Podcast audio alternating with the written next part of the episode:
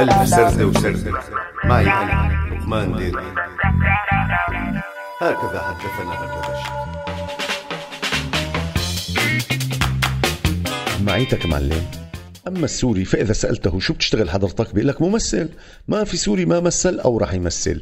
إما بيحكي ابنة نكتة بتاخده إسعاف لأقرب مخرج. فوتوه على التمثيل دخيلكم الولد فلجة. صبية حلوة شوي. كل رفقاتها بيقولوا له روحي على التمثيل.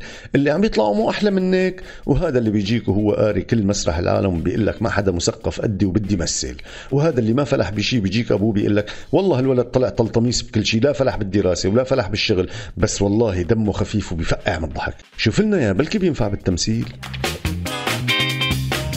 وفي كمان اللي بيكون بالصدفة ماشي بالشارع بينط لهم شي منفذ انتاج وبيقول لهم معيتك معلم تعال مثل معنا هالمشهد.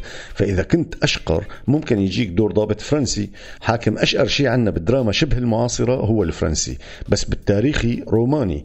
وبتلاقي ممثل الصدفة حايص من location لل location عسى ولعل يترتب معه دور من جديد. وما حدا فهم على هاللعبة غير صاحبنا السيراني اللي جابوه على دور شرطي مرة قام الزلمة فصل لحاله بدلة شرطة وحدة صيفي ووحدة شتوي وقرر يلعب دور الشرطي طول عمره. بتتصل فيه بتقول له بدنا إياك بدور شرطي بيسألك لشدة احترافه. صيفي ولا شتوي وأكبر رتبة لعبة كانت رائد. وبعدين جاب قرايبه قال اشتريت له بدلة شتوي وإذا أثبت نفسه بدور الشرطي راح اشتري له الصيفي. وهلأ صار عنده دورية كاملة بتتصل فيه بتسأله بدي دورية بيقول لك شو نوع الجريمة؟ لأنه بيحب المصداقية. ممكن يكون بدها دوريتين.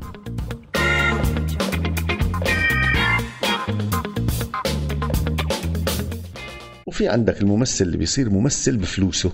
معه والله كافي. بيفتح شركة وبيمثل وبيعصلج معه التوزيع فبينقذه حمال الأسية مدير الإنتاج وهيك بيضل يمثل لحتى يقول له مدير الإنتاج حاج بكفي. ولا شك إنكم تتذكروا بياع بواري صوبيا اللي أنتج ثلاثية ومثل فيها وكان اسمها الكوع.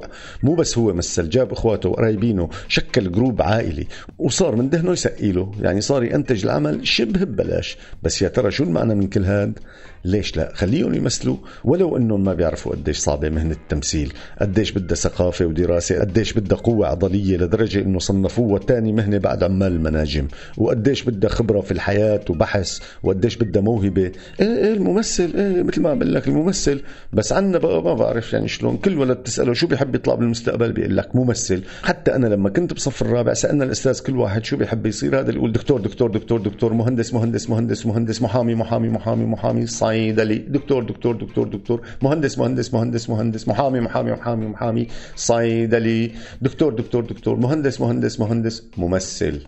أنا قلت له ممثل. عم طلع فيني هيك. قال لي أيوه يا عكروت مشان تبوس بالممثلات. قام الطلاب كلهم حسدوني ونظروا إلي بإعجاب. هكذا حدثنا هردبشت كنتوا عم تسمعوا لقمان ديركي بألف سردة وسردة عهوا راديو سوريالي.